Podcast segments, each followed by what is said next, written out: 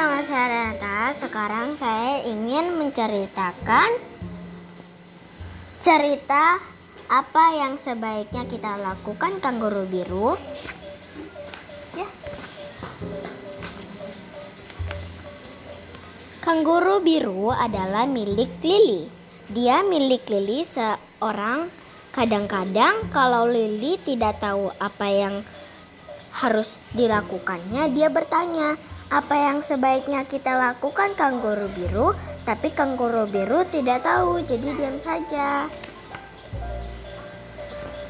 Willy pun pergi melihat Bibi Florence sedang apa. Maukah Bibi menggambar dinosaurus untukku? Tanya Lily. Sekarang tidak bisa, jawab Bibi Florence. Mungkin nanti. Ya, ujar Lily. Kalau begitu aku harus mencoba menggambarnya sendiri. Lily menggambar sendiri lima dan dinosaurus. Dan kanguru biru berpikir, pandai sekali dia.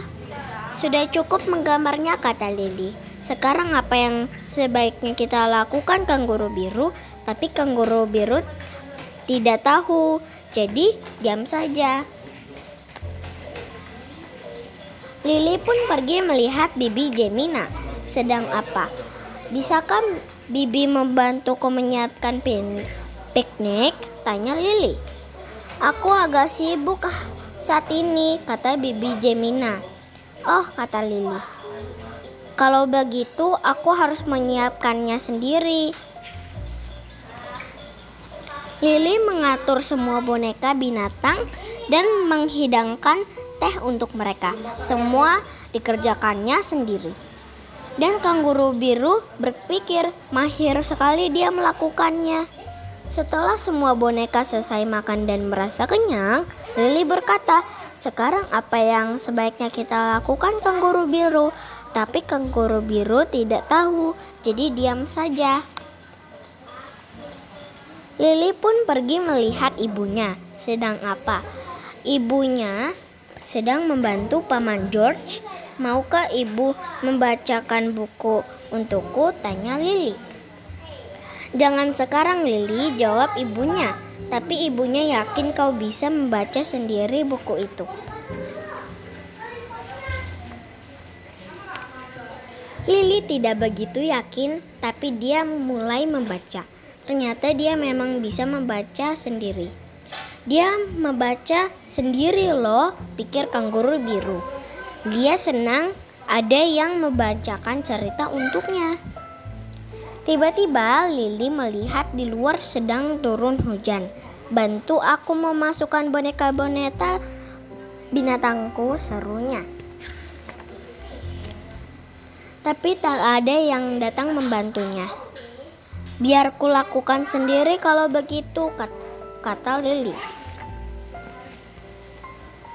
Dia memasukkan semua boneka binatang yang sudah basah kuyup itu ke dalam gerobaknya dan beralih kembali ke dalam rumah.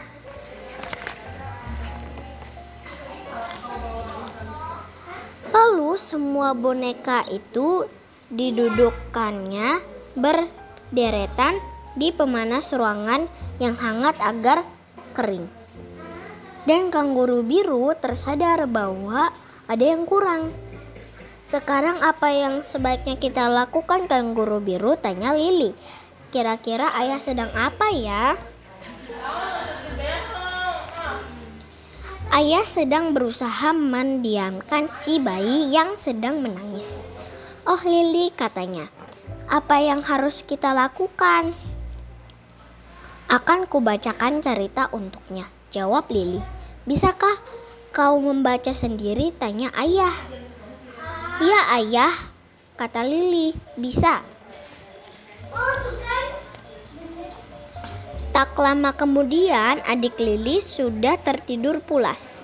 Terima kasih Lili, kata ayahnya. Kau memang pintar, entah ayah harus bagaimana kalau tak ada kau. Sewaktu Ibu Lili menyelimuti malam itu, dia berkata, Terima kasih karena kau bersikap ma begitu manis. Dan kanguru biru berpikir, dia melupakan Teddy Mungil. Apa yang sebaiknya kita lakukan? Tapi Lili sudah tertidur, jadi dia diam saja. Ketika seisi rumah sudah sunyi, kanguru biru melompat turun dari ranjang. Kalau begitu aku sendiri yang harus menyelamatkan si Teddy, pikirnya.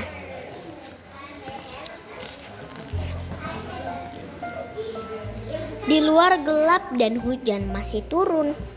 Tapi kanguru biru berhasil menemukan Teddy mungil. Dia menyeret Teddy melintasi kebun. Lalu menariknya masuk melalui pintu kucing. Lalu dia menyadar Teddy ke pemanas ruangan agar kering.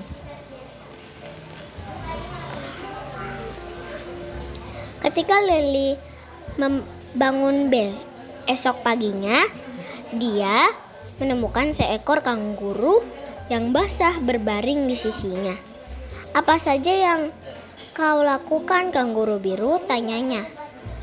Waktu dia turun, barulah dia sadar apa yang telah terjadi? Oh, Teddy Mongil yang malang, kata Lili. Lili mencium hidung kanguru biru yang masih basah. Kau pintar sekali kanguru biru, kata Lili. Apa yang harus kulakukan kalau tidak ada kau? Kanguru biru tidak tahu, jadi dia diam saja. Tamat. Ah, ngomongnya itu.